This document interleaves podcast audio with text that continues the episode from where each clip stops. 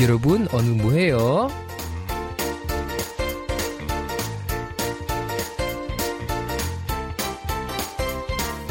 Lagi ngapain nih? Mending kita berbagi cerita di Kepo bareng DJ Lodi. Nah, gimana nih kabar teman-teman semua hari ini? Kemarin pada ngerayain Valentine Days nggak? Kalau iya, apa ngerayainnya bareng pacar, bareng bestie, atau bareng keluarga tersayang nih? Nah, bagi yang ngerayain ataupun enggak, mudah-mudahan kemarin atau kapan pun juga hari-hari kita selalu dipenuhi oleh kasih sayang dari orang-orang yang kita sayangin. Sama ya, kayak kita di Kepo yang selalu berbagi rasa sayang dengan para Kepoers. ya, betul nggak? Nah, dan seperti biasa, sebelum kita masuk ke topik Lodi Speak minggu ini, kita mau dengerin dulu lagu pertama hari ini, yaitu single terbaru dari Card, yaitu Red Moon. Señorita.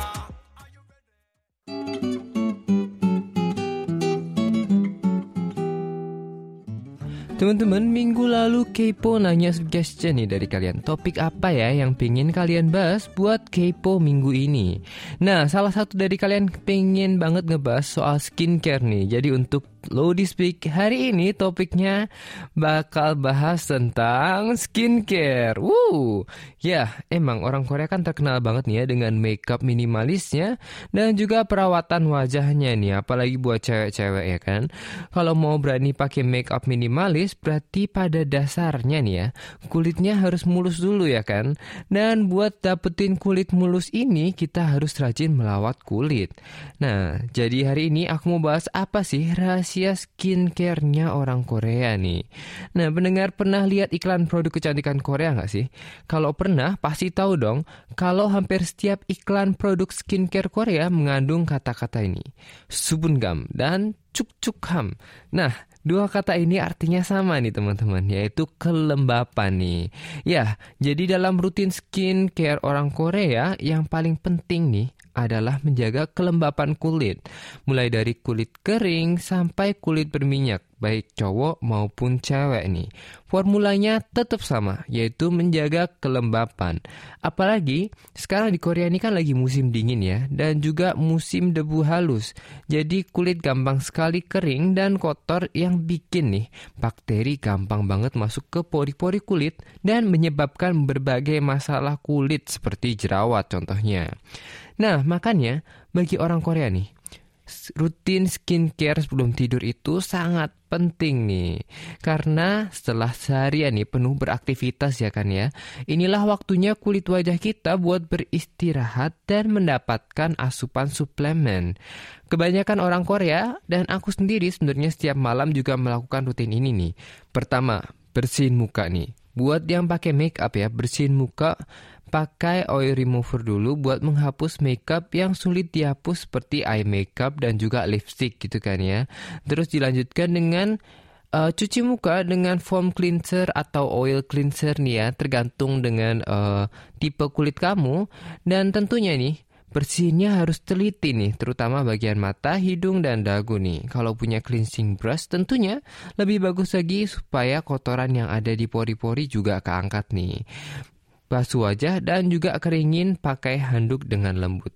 Tentunya nggak cuma makeup dan skincare aja, tentunya cleansing ini benar-benar menjadi salah satu uh, poin penting juga dalam merawat kulit karena tentunya setelah seharian bekerja keras gitu kan ya tentunya harus cleansing tuh harus dibersihin dengan bagus supaya nanti yang dimasukin juga bisa lebih masuk lagi gitu kan ya ceritanya kayak skincare-nya gitu. Nah, terus lanjut nih kalau udah bersihin dengan bersih, kita mau lanjut ke langkah kedua ya kan ya. Pakai toner nih biasanya.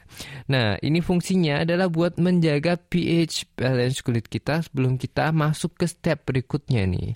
Nah, kalau kondisi kulit lagi nggak oke nih ya, atau agak kusam gimana gitu kan ya biasanya aku juga bisa pakai masker nih dan ini tergantung dari jenis kulit kita ya. Contohnya buat yang bermasalah dengan jerawat, cari yang shooting seperti mask. Terus ada juga nih yang buat kulit kering, mungkin yang mengandung kolagen atau essential oil lainnya.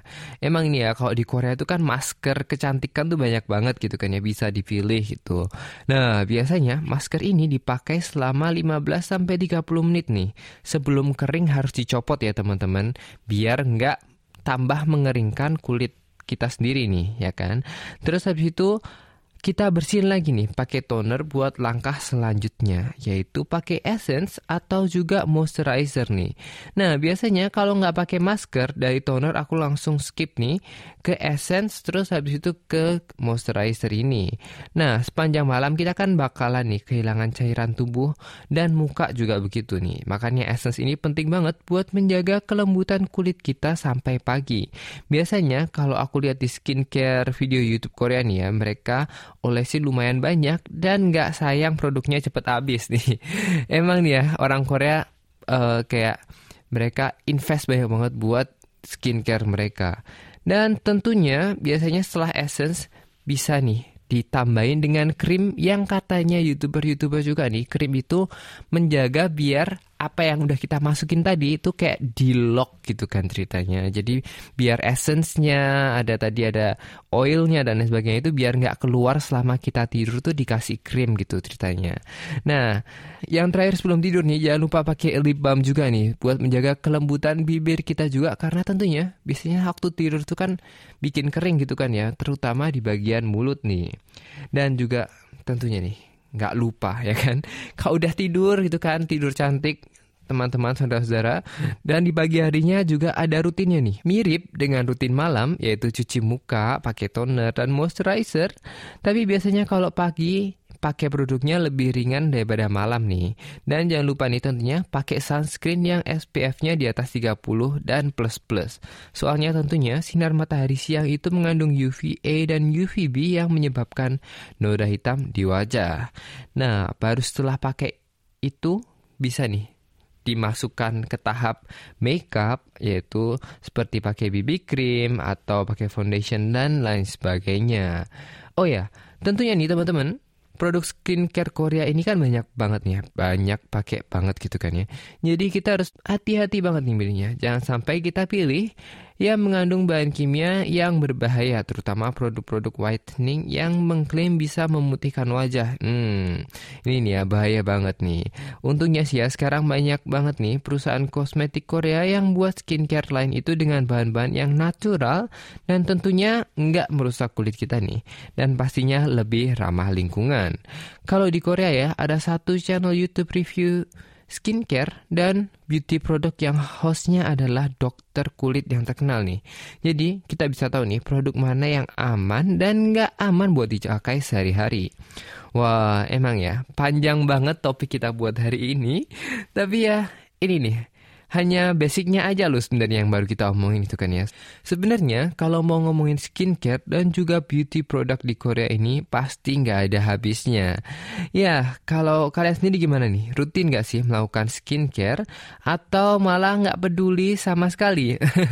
ya kasih komen kalian di postingan kepo selanjutnya ya. Dan kita juga ada pengumuman nih. Makanya dengerin kepo terus sampai akhir ya. Karena topik kita hari ini tentang beauty untuk penutup Lodi Speaker ini aku mau putrin lagu dari Park Jimin yaitu Stay Beautiful.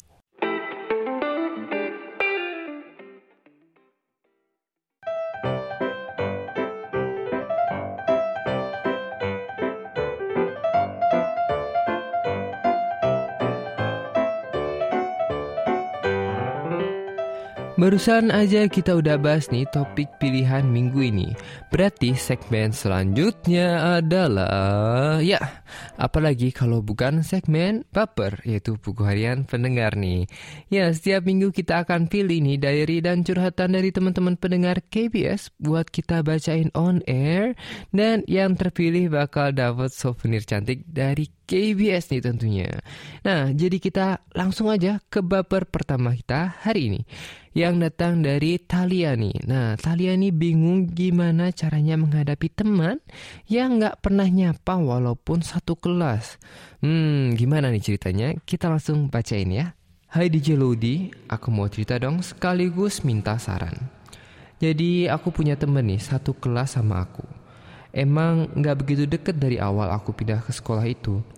Karena selain aku anaknya maluan, dianya juga nggak ada niatan buat sapa aku duluan. Jadi sampai sekarang kita bahkan gak tegur sapa. Sebut aja dia si A.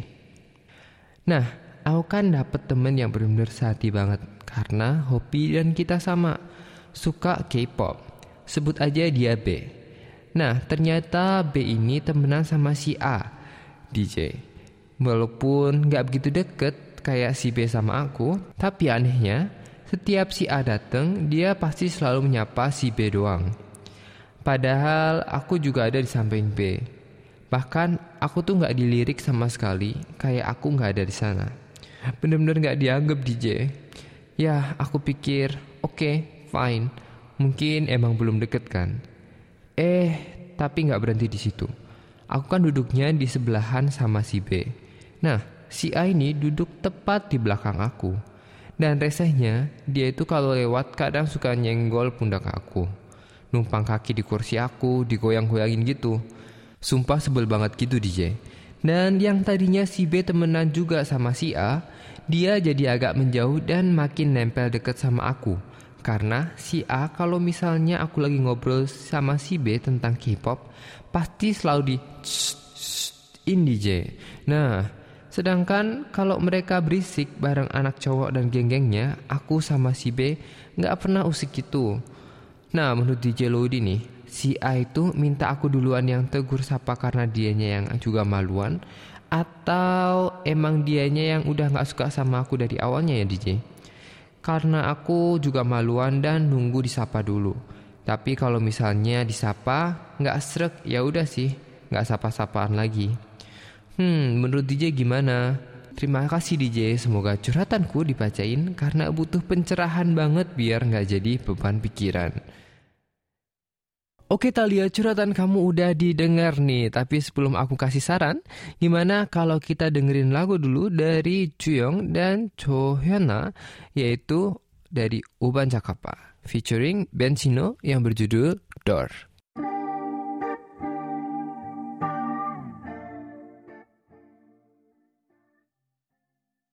Ya Talia, kalau kita jadi murid baru nih ya atau mulai bekerja, kadang-kadang kita tuh suka banget ketemu sama situasi seperti ini yang Talia hadapin sekarang.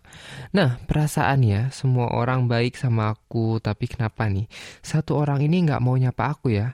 Nah, terus kadang-kadang kita bingung sebagai orang baru, apa nih yang harus kita lakukan gitu kan ya? Apakah kita mesti nyapa duluan atau orang yang udah lama yang mestinya buat kita merasa welcome dengan menyapa duluan. Kalau dari cerita kamu sih, biarpun si A itu nggak pernah nyapa dan sepertinya nggak mengakui keberadaan kamu, kalau dilihat dari gesternya yang sering senggol pundak, terus mainin kursi kamu dari belakang, sepertinya nih dia pingin berinteraksi dengan kamu nih sebenarnya. Cuma nggak tahu nih caranya gimana gitu kan ya. Ya, jujur sih aku nggak tahu maksud dia baik atau enggak, tapi sebagai orang yang lebih dewasa ya kan. Ya, kayaknya kita mesti hadapin semua orang dengan kebaikan nih. Ya, jadi biarpun si A itu mungkin bikin kamu sebel dengan kelakuannya, kita nggak tahu nih ya kenapa dia seperti itu. Mungkin nggak ada salahnya nih Talia yang coba sapa duluan. Nggak harus langsung nih, mungkin dengan omong-omong kecil soal pelajaran atau pembicaraan lainnya. Nah, dia kan duduk pas di belakang kamu nih. Bagaimanapun juga, sesama teman sekelas kan lebih asik nih kalau kita rukun dan kompak ya kan. Kalau emang responnya nggak positif ya seperti yang tadi dia bilang, selanjutnya nggak usah sapa juga nggak apa-apa gitu kan ya. Ya, emang nggak semua orang harus cocok sama kita. Dan yang penting kita kan udah usaha, bener kan? Jadi nggak ada salahnya buat usaha dan semoga Tadia dapat menemukan jalan keluar yang paling baik nih. Oke, dan kita lanjutkan aja nih ya dengan baper kedua hari ini teman-teman. Yang datang dari Gibi. Ya, udah lama banget nih nggak dengar kabarnya dari Gibi.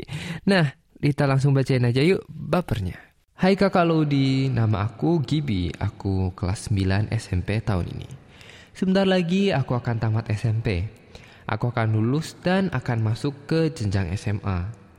Di mana aku nggak akan memakai baju putih biru lagi, melainkan putih abu-abu. Dua bulan lagi aku akan menjalankan ujian kelulusan. Aku akan les selama dua bulan dan aku les sampai sore. Aku tahu les membuat aku lelah karena harus fokus belajar selama dua bulan. Tapi aku tahu itu akan menguntungkan juga bagiku karena dengan lelahnya belajar, saat melaksanakan ujian nanti nilaiku akan menjadi memuaskan dan mendapat nilai yang bagus. Aku minta tolong doa para tim KBS untuk aku agar aku lulus dan mendapatkan nilai yang bagus. Amin. Wah, pendengar KBS banyak juga ya yang masih belia nih. Ternyata kau masih kelas 9 SMP, Gibi. Wah, gitu kan ya. Masa SMP itu kan emang masa yang seru banget ya. Dan pasti kita pengennya senang-senang sama temen nih. Tapi sayangnya, demi lulus SMP ini kita harus belajar dengan giat banget gitu kan ya. Mudah-mudahan dua bulan ini Gibi terus diberikan semangat buat belajar demi nilai ujian yang memuaskan. Nah, tim KBS juga tentunya mendoakan doakan supaya Gibi bisa lulus dan masuk SMA idaman Gibi gitu kan ya. Nah Gibi kalau dipikir-pikir nih, les selama dua bulan itu masih mendingan loh dibandingkan murid-murid sekolah Korea yang biasanya les tiap hari sepanjang tahun nih. Dan nggak hanya untuk lulusan aja, bahkan di saat liburan ya, liburan panjang musim panas di Korea dan musim dingin seperti sekarang ini pun banyak banget nih anak-anak yang les bahkan anak-anak SD juga nih. Walaupun sebenarnya sih banyak juga yang les karena orang tua mereka harus bekerja dan nggak ada orang yang jaga mereka di rumah, jadi ya mereka les deh. ya emang sedih banget ya. Tapi mudah-mudahan Gibi juga nggak jenuh belajar nih, tapi juga jangan terlalu berlebihan hingga kurang tidur ya. Soalnya kan percuma nih, belajar dengan giat tapi pas mau ujian, eh badan kita malah ngedrop dan sakit. Nah, buat Gibi, selamat belajar, jaga kesehatan, dan semoga lulus dengan nilai yang bagus. Fighting! Nah, buat Gibi dan Talia, selamat ya yang curhatannya udah terpilih buat segmen baper hari ini. Dan jangan lupa buat konfirmasi alamatnya di email indonesia at kbs.co.kr.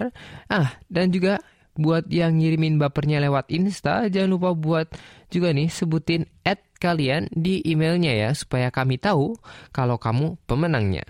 Oke deh, sekarang setelah kita berbagi kabar dari pendengar kita semua, gimana kalau aku hibur kalian dulu nih dengan dua lagu. Nah, kita mau dengerin nih lagu Chang Bong Jun yaitu Your Shampoo Scent in the Flower dan juga lagu dari Eric Nam dan Cheese yaitu Sarang Inggayo atau Perhaps Love.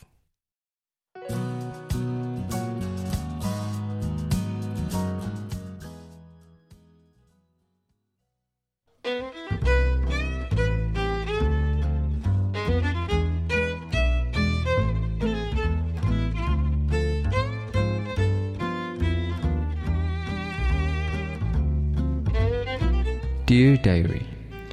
Pertengahan bulan Februari. Bulan ini aku merencanakan untuk membuat coklat dan membagikannya di hari Valentine. Ya, walaupun kalau di Korea itu hari Valentine adalah hari di mana cewek memberikan coklat ke cowok Tapi aku tidak membudidakannya Karena bagiku Valentine adalah hari kasih sayang dan sudah menjadi kebiasaanku sejak dulu untuk membuat coklat nih dan membagikannya ke teman-temanku pada saat hari Valentine. Biasanya aku membuatnya di malam hari dan membagikannya ke teman-temanku di sekolah. Nah, buat aku adalah sebuah kebahagiaan tersendiri saat orang-orang yang menerimanya terlihat gembira. Ya, membuat orang lain gembira juga adalah salah satu sumber kebahagiaan untukku. Aku pun mengawali minggu ini untuk pergi berbelanja bahan-bahan untuk membuat coklat dan juga memulai mengordernya online. Setelah sekian lamanya, ternyata membuat coklat itu bisa juga membuatku senang. Beberapa hari sebelum Valentine, aku membuat beberapa coklat terlebih dahulu untuk mengetesnya. Dan baru akhirnya menjelang hari Valentine, aku membuat cukup banyak untuk teman-temanku. Dan sebenarnya bikin capek dan cukup ribet juga, apalagi ditambah beres-beres yang harus dilakukan setelahnya. Tapi seperti yang aku bilang tadi, ini tetap membuatku senang. Karena aku rasa inilah salah satu cara untuk dapat menyampaikan rasa terima kasihku kepada orang-orang di sekitarku. Karena itulah bulan ini aku tidak hanya memberikannya pada teman-temanku, tapi juga pada para fans-fansku yang kadang-kadang datang ke radio untuk menjenguk dan mendukungku. Nah, aku juga berharap Tidak cuma di hari Valentine saja, tapi semua orang dapat saling menyayangi dan membantu satu sama lain di berbagai waktu dan kesempatan. Terutama banyak sekali hal-hal yang terjadi di awal 2020. Semoga saja masalah seperti bencana alam dan juga virus corona ini dapat cepat berlalu dan kita semua dapat menjalani tahun ini dengan penuh kebahagiaan. Happy Valentine semuanya, Onuto Koseng Manaso.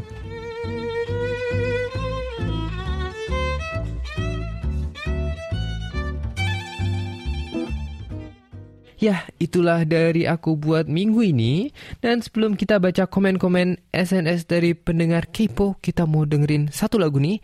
Kita mau dengerin lagu dulu nih dari Yuksung J B2B yaitu Halman Haan.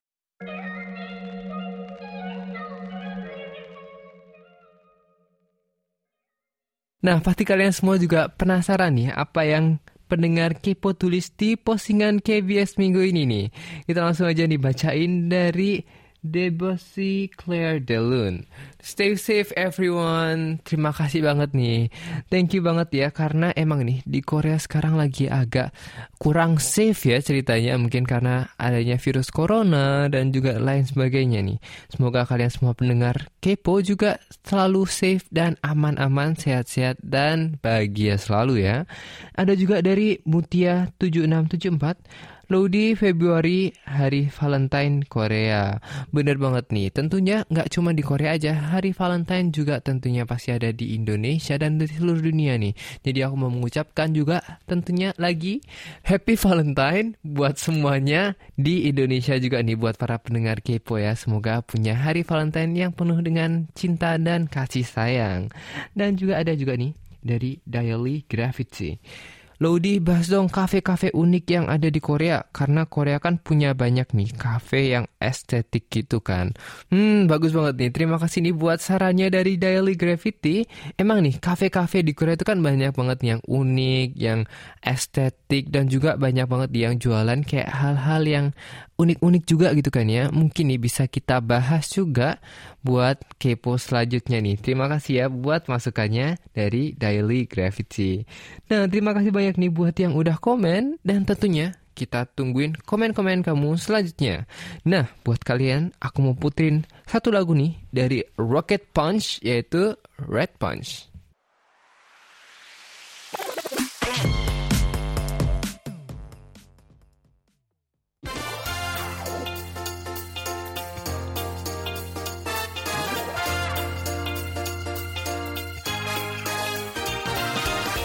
Ya pendengar Kepo yang setia semuanya Nggak terasa nih episode Kepo hari ini sampai di sini aja nih. Emang waktunya emang singkat banget ya Tapi sekarang adalah waktunya aku untuk pamit. Terima kasih atas kebersamaannya hari ini. Kita ketemu lagi besok di BLK tentunya bersama DJ Niken Dan juga episode Kepo minggu depan nih. Ya, onuto sugeseo Happy weekend dan annyeong. Happy Valentine